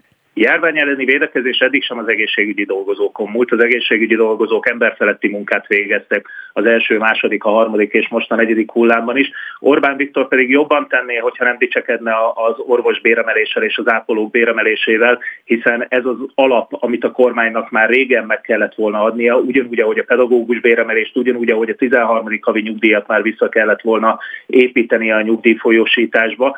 Ugyanakkor a demokratikus koalíció úgy látja, hogy Orbán Viktor és kormánya életében először találkozott egy olyan valódi ellenséggel, amit nem ők találtak ki, tehát nem soros és nem migráns, és még nagyon hosszan sorolhatnám, és egyből ki is derült, hogy tökéletesen alkalmatlanak a kormányzásra, hiszen most Orbán Viktor, a miniszterelnök dicsekedhet az orvosi béremeléssel, de azt azért ne felejtsük el, hogy tíz év alatt kivéreztette és tönkretette az egészségügyet, a kórházak adóssága folyamatosan újra termelődik, az idei évben 40 milliárd forint, Orbán Viktor mégis stadionokba, templomokba, betonba és üvegbe önti a magyarok pénzét, mindannyiunk vissza... közös adó forintjait, ahelyett, hogy az egészségügyet fejlesztenék. Hogy kérdezek vissza a, a beszélgetésünk elejére, ugye azt, hogy önök hogyan, az, akár az ellenzék hogyan tudná mondjuk ösztönözni a lakosságot arra, hogy aki mondjuk eddig nem vette fel az oltást, az fölvegye. Azért kérdezem, mert Nyugat-Európában erre különböző módszereket látni, ugye akár további korlátozó intézkedéseket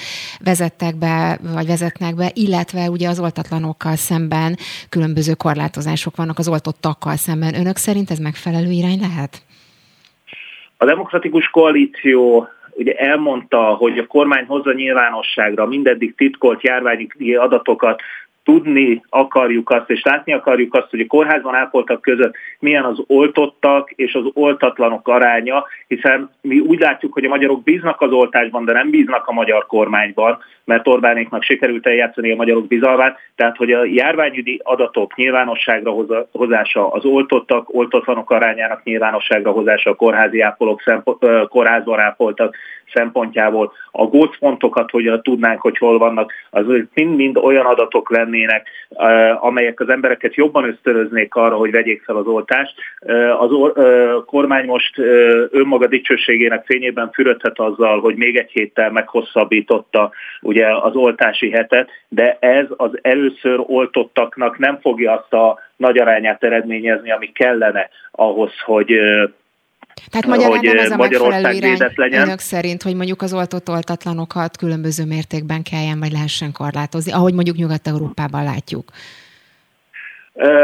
Nézze, mindenre azt tudom válaszolni, hogyha a magyarok nincsenek tisztában a járványügyi adatokkal, akkor teljesen fölöslegesen beszélünk erről. Hova tovább egyik nap, amikor mentem be egy televíziós stúdióba, és közben hallgattam a rádiót, akkor azt hallottam, ugye, mint ön is tudja, rengeteg rádiónál már megszűnt az önálló hírszerkesztőség, tehát az MTI híreket veszik át, hogy Németország a oltottak, vagy a, a, az első oltást megkapók arányának az európai összehasonlításban a végén kullog. Na most én utána megnéztem, Németországban 69%-os az átoltottság, mint Magyarországon 61, tehát a kormányzat a hozzá közel álló állami hírcsatornákon keresztül is hazudozik, ezzel pedig nyilvánvalóan, hogy a magyarok bizalmát játsz el. Uh-huh. Barkóci Balázsnak a DK szóvivőjének. Köszönöm szépen, viszont hallásra minden. Én köszönöm, kezét csokolom.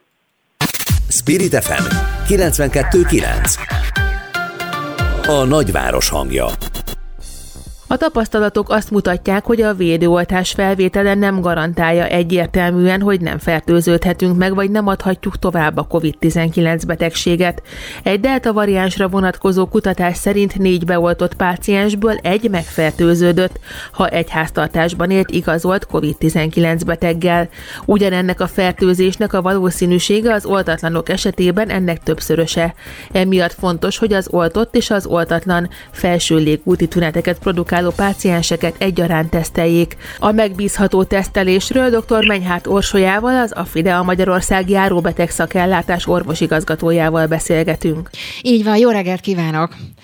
Jó reggelt kívánok! Vegyük akkor sorra ezeket a kérdéseket, valóban nagyon fontos, hogy ö, oltás után is ö, kik lehetnek esetleg veszélybe, illetve hogyan arányban, milyen arányban fertőződnek, vagy fertőződhetnek mondjuk a oltottak, oltatlanok számos adat áll rendelkezésünkre, gyakorlatilag azt tudom mondani, hogy az oltottak is egy 25%-ban fertőződhetnek.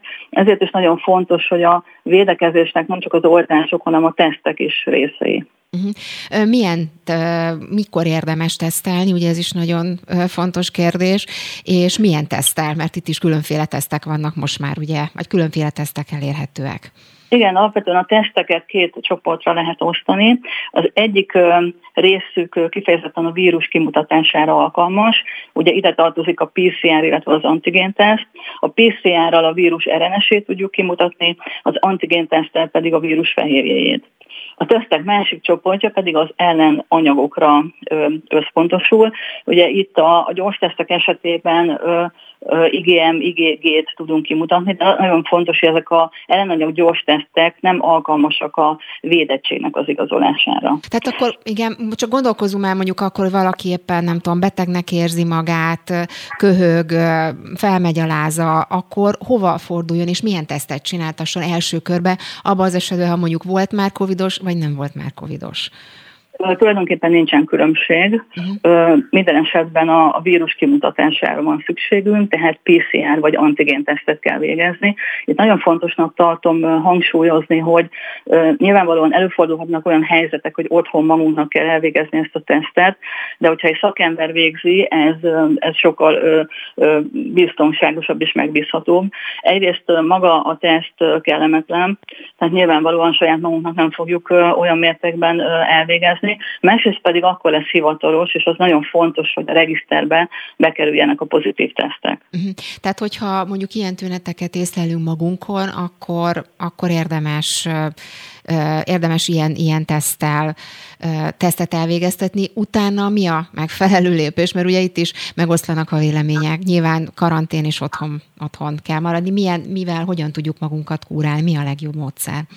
Igen, én meg annyit szeretnék hozzátenni, hogyha tünetesek vagyunk, akkor ugye elsősorban a házi orvos kell uh, értesíteni, és akkor ő fogja szervezni a tesztünket. De nagyon fontos, hogy nem csak tünet esetén, hanem hogyha szoros kontaktok voltunk, vagy esetleg olyan eseményen vettünk részt, ahol potenciálisan megfertőződhettünk, akkor is mindenféleképpen javasolt a, teszteknek az elvégzése. A, a tünetek esetén nyilvánvalóan a, a tüneti kezelés, rácsillapítás, a vitaminok közül a C-vitamin, a D-vitaminnak a pótlása, a bőfolyadék fogyasztása, ami legfontosabb, és nyilvánvalóan, hogyha a tünetek mennek előre, akkor a házi orvos segítségével ö, szükséges lehet esetleg antibiotikumnak a, az elkezdése is. Uh-huh. Milyen gyakran érdemes tesztelni magunkat, mondjuk abban az esetben, ha egyébként nincsen különösebb tünetünk, mert ugye itt is megoszlanak a vélemények ezzel kapcsolatban, hogy mennyire gyorsan, vagy mennyire, milyen gyakran érdemes egyáltalán a tesztet elvégezni. Igen, ez egy nagyon nehéz kérdés, hiszen a tesztnek az eredménye abban a pillanatban érvényes, amikor elvégezték, tehát uh, tulajdonképpen akár napi szinten is lehetne. Nyilván, hogyha valaki olyan helyen dolgozik, vagy olyan uh, rizikócsoportba tartozik, akkor, akkor gyakrabban érdemes elvégezni. Én azt gondolom, hogy hetente, két hetente mindenkinek érdemes lehet. Uh-huh. Még egy dolog, hogy ugye nagyon sokan beszélnek most már a post-covid szövődményekről, vagy ennek a kialakulásáról. Itt is ebből a szempontból a tesztek mennyire segíthetnek, vagy mennyire lehet fontosak, mondjuk a, akár a, a fertőzés súlyosságától függően.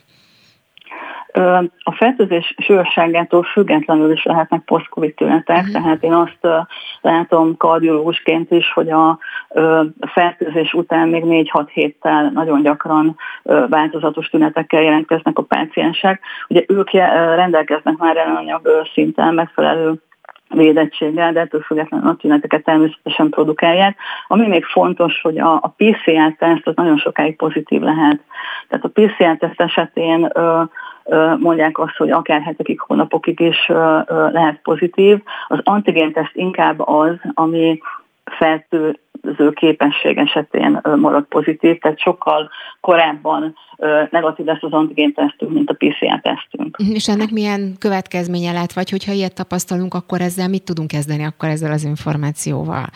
Gyakorlatilag a, a, a teszt pozitivitásától függetlenül, amennyiben letelt a, a tíz nap, akkor ugye szabadulhatunk a karanténból, azonban még hetekkel később is tünetek jelentkezhetnek, ekkor azonban már a karanténban nem kell lennünk. Uh-huh. Dr. Menyhárt Orsolyának, az Fidel Magyarország járóbeteg szakellátás orvosigazgatójának köszönöm szépen az információkat. Szép napot, viszontalásra!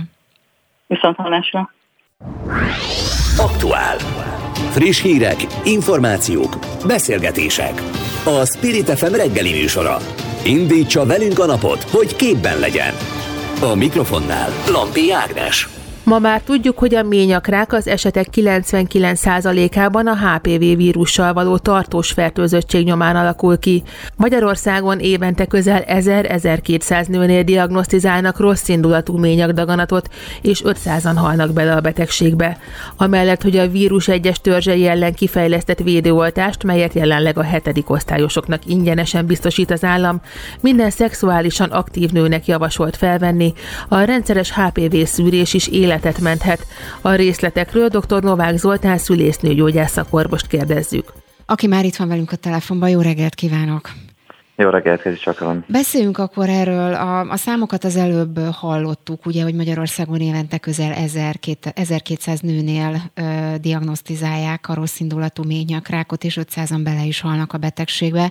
Ö, mennyire vagyunk preventívek mi nők, mennyire figyelünk oda egyáltalán arra, hogy elmenjünk és, és, és hogy mondjam, megnézzük azt, hogy tehát a szűrővizsgálatokat elvégeztessük. Képzelje el azt, hogy, hogy ez az 1200-as szám, ez, sokkal több lenne, hogyha nem lennének a szűrővizsgálatok a jelenlegi formájukban. Sok ezer olyan ményakrák megelőző elváltozást találunk a szűrővizsgálatok során, amit egy egyszerű kis műtéttel eltávolítunk. Ez a ményakrák esetszámnak a sokszorosa, és ezek jó része, vagy egy meg, igencsak nagy része valószínűleg ményakrákkel alakult volna, ha nincs a szűrőrendszer, tehát több ezer szám, sok ezres számról beszélnénk akkor ményakrák vonatkozásában. Mm. Tehát alapvetően hál' Istennek a szűrővizsgálat nagyon sok életet megment, de, de nem eleget, hiszen egy olyan betegségről beszélünk, amely alapvetően most már teljesen megelőzhető lenne, hogyha mindenki eljár a, szűr, eljár a szűrésre, és amennyiben nyilván a szűrési rendszerünk és a szűrési módszereink is javulnának. Mhm. Beszéljünk már akkor a, a szűrésekről, csak azért, mert itt a közleményükben ugye az szerepel, hogy sem a hagyományos paptest, sem a folyadék alapú citológia nem tökéletes szűrővizsgálat a még nyakrák, illetve inkább a megelőző állapot kimutatására, mert hogy a rossz indulatú elváltozásoknak mintegy 40 kötője 60% át mutatják ki. Engem némileg meglepett ez a szám, én azt hittem, hogy azért ennél jóval több. Szóval, hogy akkor milyen szűrővizsgálatra van szükség, vagy lehet szükség?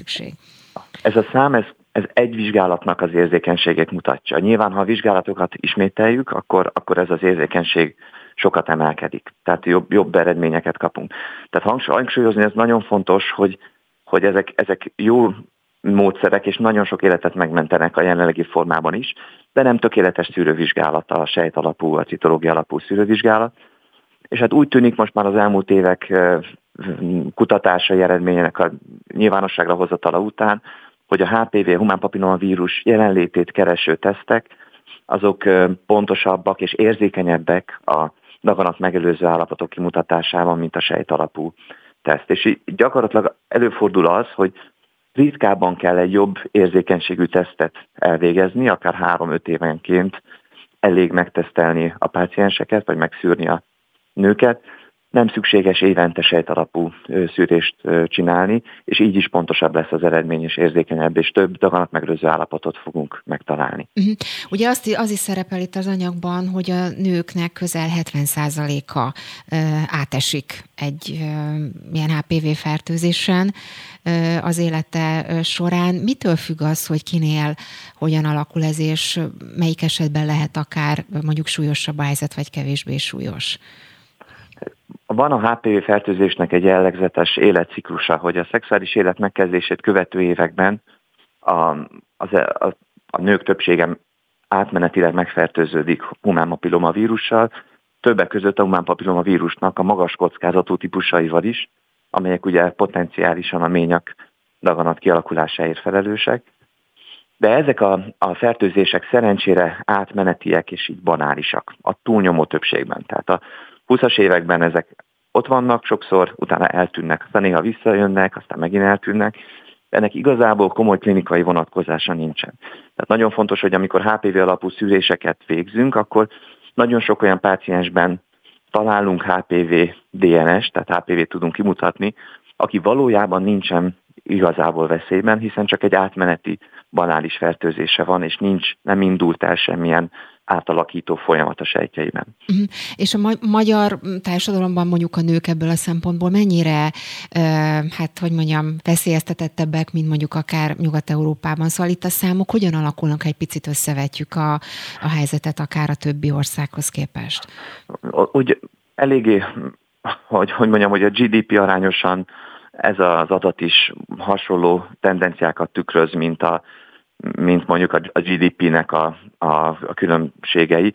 Tehát minél nyugatabbra megyünk általában a ményak rák előfordulása csökken, és hogyha kelet felé indulunk el, akkor uh-huh. pedig növekszik. Azért kérdezem a... ezt, mert, mert tudjuk, hogy más adatokból is, hogy, hogy igazából olyanok vagyunk, vagy azt szokták mondani rólunk, hogy csak akkor megyünk orvoshoz, ha már, ha már nagy a baj. Szóval, hogy mennyire figyelünk oda a, a prevencióra, minők, mik a tapasztalata, tapasztalatai? Inkább azt mondanám, hogy, hogy van egy olyan populáció, aki nagyon-nagyon odafigyel, sőt, néha túl, túl sokat is megy. Tehát, hogy, hogy alapvetően nekem is vannak ilyen páciensem, és ez egyáltalán nem baj, hogy inkább helyen egy fél, fél évente is szeretne szűrést, biztonságban szeretni magát érezni. Van egy ilyen önmagára nagyon odafigyelő, és, a, és akár a szükségesnél több erőforrást mozgósító páciens is. És hát van egy olyan réteg, akiket nagyon nehéz elérni, és akik egyáltalán nem akarnak szűréseken megjelenni. Az, a különböző programok az elmúlt években többfajta módon próbálták megcélozni ezeket a, a pácienseket, hiszen önmagában, ha már csak az élete során kettőször elmegy egy páciens HPV alapú szűrésre, és utána a megfelelő kezeléseken végigmegy, hogyha mondjuk pozitív ö, ö, lett a, a tesztje, akkor már önmagában kettő szűrés az élete során nagyon jelentős kockázatcsökkentést eredményez a, a ményakrák kockázatában. Uh-huh. Köszönöm szépen dr. Novák Zoltán szülésznőgyógyásznak a fontos információt, és akkor mindenkit arra bátorítunk, hogy menjen és végezze el a szűréseket. Köszönöm szépen még egyszer. Viszont hallásra. Köszönöm, köszönöm. Böngésző. Mivel foglalkoznak a vezető internetes portálok? Hogyan találnak egyes híreket? Mire kattintanak a legtöbben? Böngésző. A Spirit FM reggeli műsorának online lapszemléje. Címlapsztorik, értekezések, izgalmas információk. Böngésző. Így van, folytatjuk akkor a böngészővel. Nagy Teodóra már itt van velem a stúdióba, és gondolom, hogy átnézted akkor a ma reggeli online portálokat.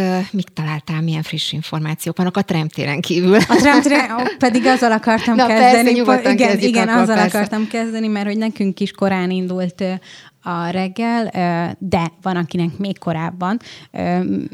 Hódmezővásárhelyen átadták a tramtrélt hajnali háromkor, és, és ráadásul úgy, hogy, a, hogy nem csak Lázár János vett ezen részt, hanem Palkovics László és Homolya Robert a MÁV-nak a, az elnöke is, ami a Palkovics Lászlónak a menetrendjéből tehát e, erősen indította a hétfőt, mert nyolckor már Karácsony Gergelyel tárgyal, volt egy, egy, a Karácsony Gergely is tartott egy sajtótájékoztatót, mielőtt mielőtt a, ment volna a tárgyalásra. Azt azért nem tudom sajnos a sajtótájékoztató tartalmát ismertetni a kedves hallgatókkal, mert nem volt hang a felvételen a technikai problémák miatt. Szájról olvasni meg még nem tudok annyira jól. Lassan ide Igen, igen, igen, hogy, hogy meg tudjam, de valószínűleg majd kiderül az is. Meg gondolom a tárgyalások után is, is lesz sajtótájékoztató, de erősen indult. Erősen indult a, a reggel Palkovics László szempontjából. Ezen kívül egy, hát a koronavírussal nagyon sok ö, hír ö, foglalkozik. Ugye mi is beszéltünk róla, és már itt nem csak negyedik, hanem ötödik hullámról van szó, és, és arról értekeznek sokan. A portfólión van egy cikk, ami azzal, azzal foglalkozik, hogy a, az új szupervariánsnak a terjedése hogyan hatott a tőzsdékre, és hát elárulom, hogy nem pozitívan. Ugye mindig, amikor... Ezt lehetett sejteni, igen, nyilvánvalóan. Mindig, amikor igen. egy újabb variánsnak a híre jön, akkor az ugye a bizonytalanság miatt megingatja a beruházási kedvet, és most uh, ugye ráadásul, hogy hogy többen azt mondják, hogy, hogy ez a legfertőzőbb, több vírus variánshoz hasonlít, olyan, mint az ebola, tehát nagyon-nagyon sokféle dolgot lehetett hallani az új variánssal kapcsolatban, és erre nem jól reagáltak, pláne az, hogy akkor megint felmerül, hogy akkor megint zárni kell. Igen, egyébként pont, hogy ezt említed, éppen a HVG látom ugye a WHO-nak a, az állásfoglalását, azt mondják, hogy ne zárják le a határokat az új Igen, vírus variáns miatt. Ezt is, ezt is néztem és hoztam is, hogy ez meg egy, itt meg egy ellentmondást érzek igazából, hogy, hogy nem kell lezárni a határokat, holott ugye azt mondják, hogy hogy sokkal ö, ö, erősebben terjed, és sokkal ö, veszélyesebb, de ugye megint ez, hogy nem ismerünk, meg nem tudunk egy csomó információt. Ugye Izrael és, ö, és Nagy-Britannia korlátozta a, a afrikai beutazást, be, beutazást pont ezért. Hollandiában volt olyan hír, hogy hatan leszálltak, akik már ezzel a, a mindjárt om, omikron, omikron, omikron, omikron, még nem, igen. igen, tehát még a deltánál le voltam ragadva, tehát az omikronnal voltak megfertőződve, és és ugye azért sok ország, tehát már korlátozásokat tervez, ha nem is teljes lezárást, de már elejét akarják venni. És azért érdekes az izraeli példa, mert ott már ugye a gyerekek oltását is megkezdték, tehát ott nagyon hamar el fogják érni a szinte a teljes társadalmi átoltottságot, és emellett is szükségesnek érzik, hogy utazási korlátozások Igen, legyen. Is. Igen. Egyébként a, a WHO-nak a, az indoklása is nagyon érdekes.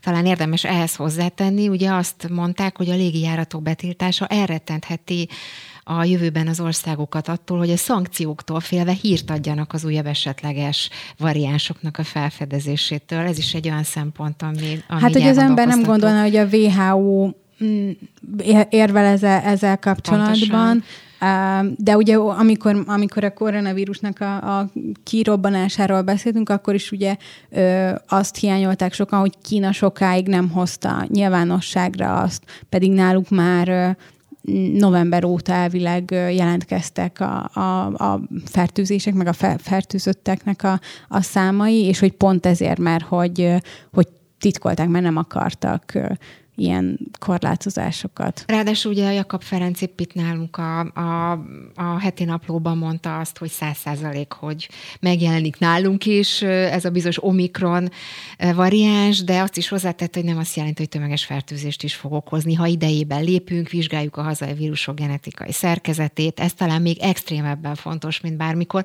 Azért ezek a mondatok már úgy vissza-visszatérnek, nem? Ezek hát így már a negyedik hullámban így kezdjük, kezdjük megszokni ezeket a, a igen, ezeket a szófordulatokat, de mondom nekem ez, ami, ami így a mai reggelben a legsokkolóbb volt, hogy, hogy még azt se tudjuk, hogy a negyedik hullám mikor fog tetőzni, de már ötödik hullámról beszélnek. Igen, és, Szlávik és, doktor már ötödik igen, hullámról és, beszél. És, és így felmerül bennem, hogy hol, hol a vége a, a dolognak. Biztos, biztos valahol egyszer, egyszer véget ér. Uh-huh. Hát reméljük, csak azért közben bekapcsolom a adásba Hadobás Bernadettet is, a, Sziasztok, jó aki reggel. közben beült ide hozzánk a stúdióba, mert 9 órától bistró, és ugye ő lesz a műsorvezető. Nem, az Robi lesz a műsorvezető. Ja, Robi lesz a műsorvezető. Most én szerkesztettem neki, de most, most én ültem be. Igen. Tehát akkor most Robi lesz akkor a műsorvezető. Szerettél volna velünk nagyon beszélgetni azért. Is, Igen, mert nagyon ráztad Igen. a fejedet, amikor Igen. az ötödik hullám Igen, mert pont én is ugye olvastam Teó. ezt, hogy ötödik hullám, és le voltam döbbenve, hogy áj, áj, áj, áj.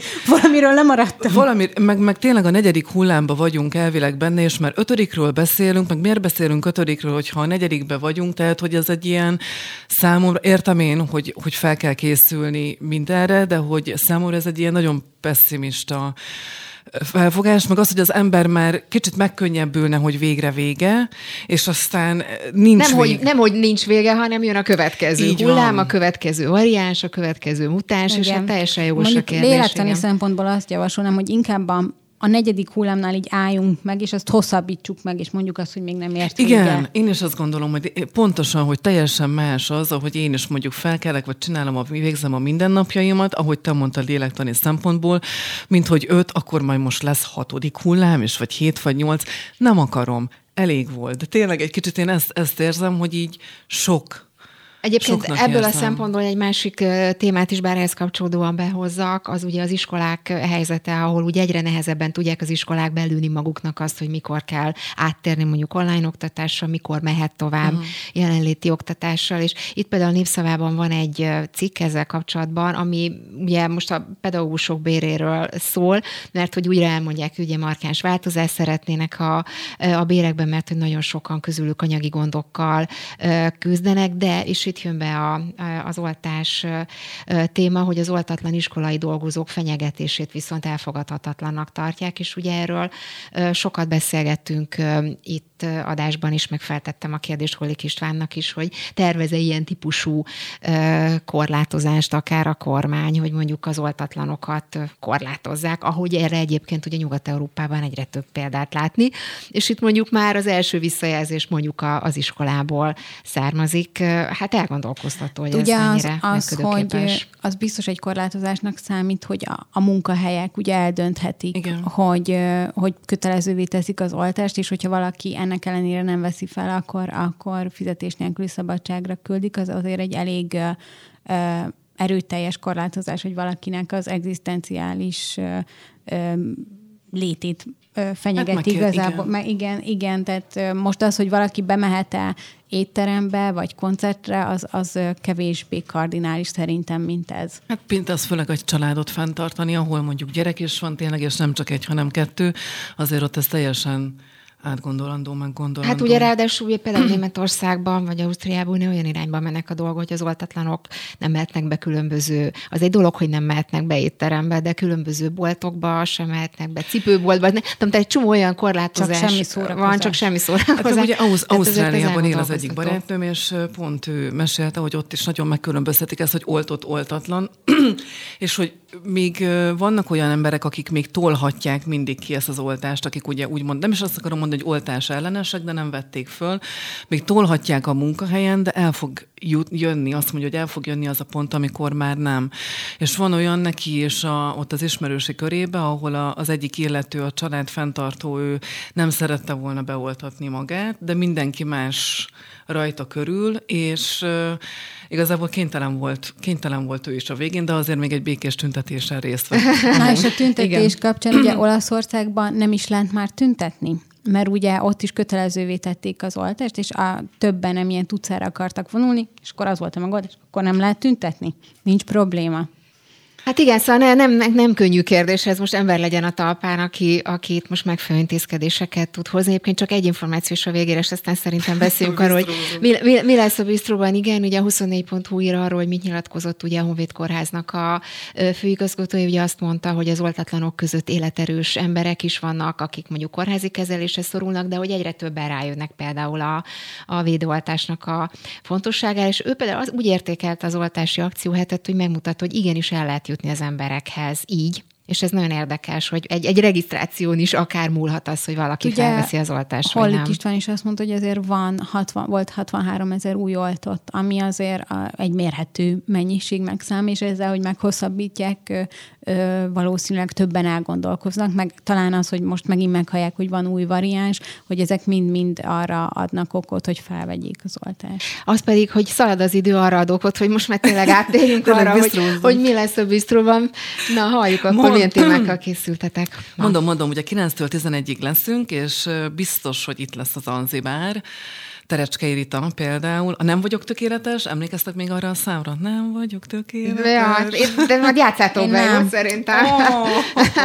Na ne aggódj, mert meghallgathatod majd te is amúgy a velük készült interjú után. Tehát, hogy tuti, hogy ők itt lesznek, egy kicsit így, így újra, újra csiszolták, ha nem vagyok tökéletes című számot. Erről is fogunk beszélgetni, meg hát nyilván még máson, mert portré is készül majd velük.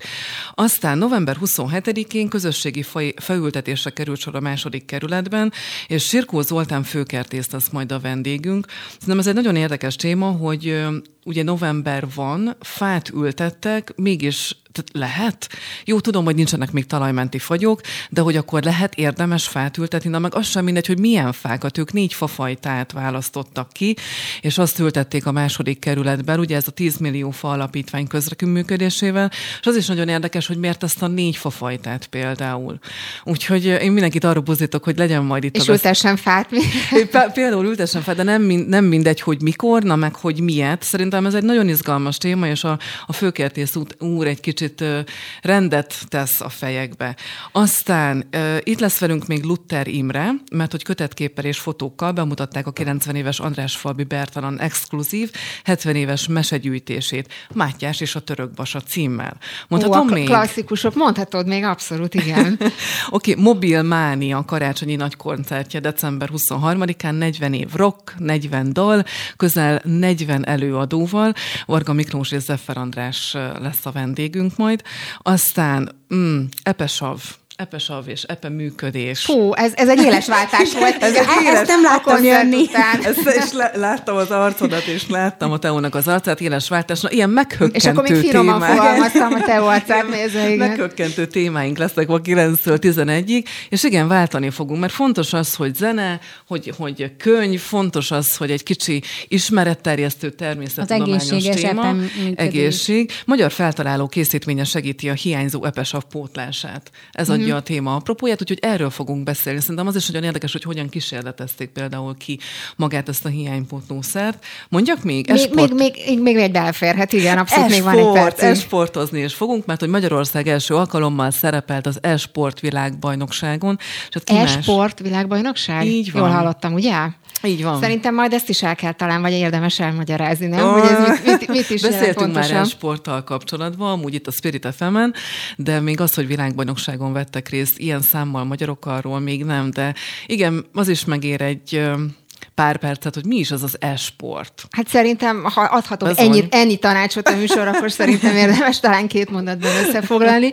A nézők, a hallgatókat pedig akkor arra bátorítom, hogy maradjanak itt velünk, mert hogy 9 órától bistró, és akkor Kormos Robi lesz a műsorvezető, a szerkesztő pedig Hadobás Bernadett. Köszönjük szépen az információkat, önöknek pedig köszönöm szépen a figyelmet, mert hogy a ma reggeli aktuál véget ért. A műsor elkészítésében Tóró Nikolát segített, a technikai technikus Kátai Kristóf volt. Nagy Teodóra szerkesztő nevében is köszönöm szépen a figyelmüket, Lampi Ágnes hallották.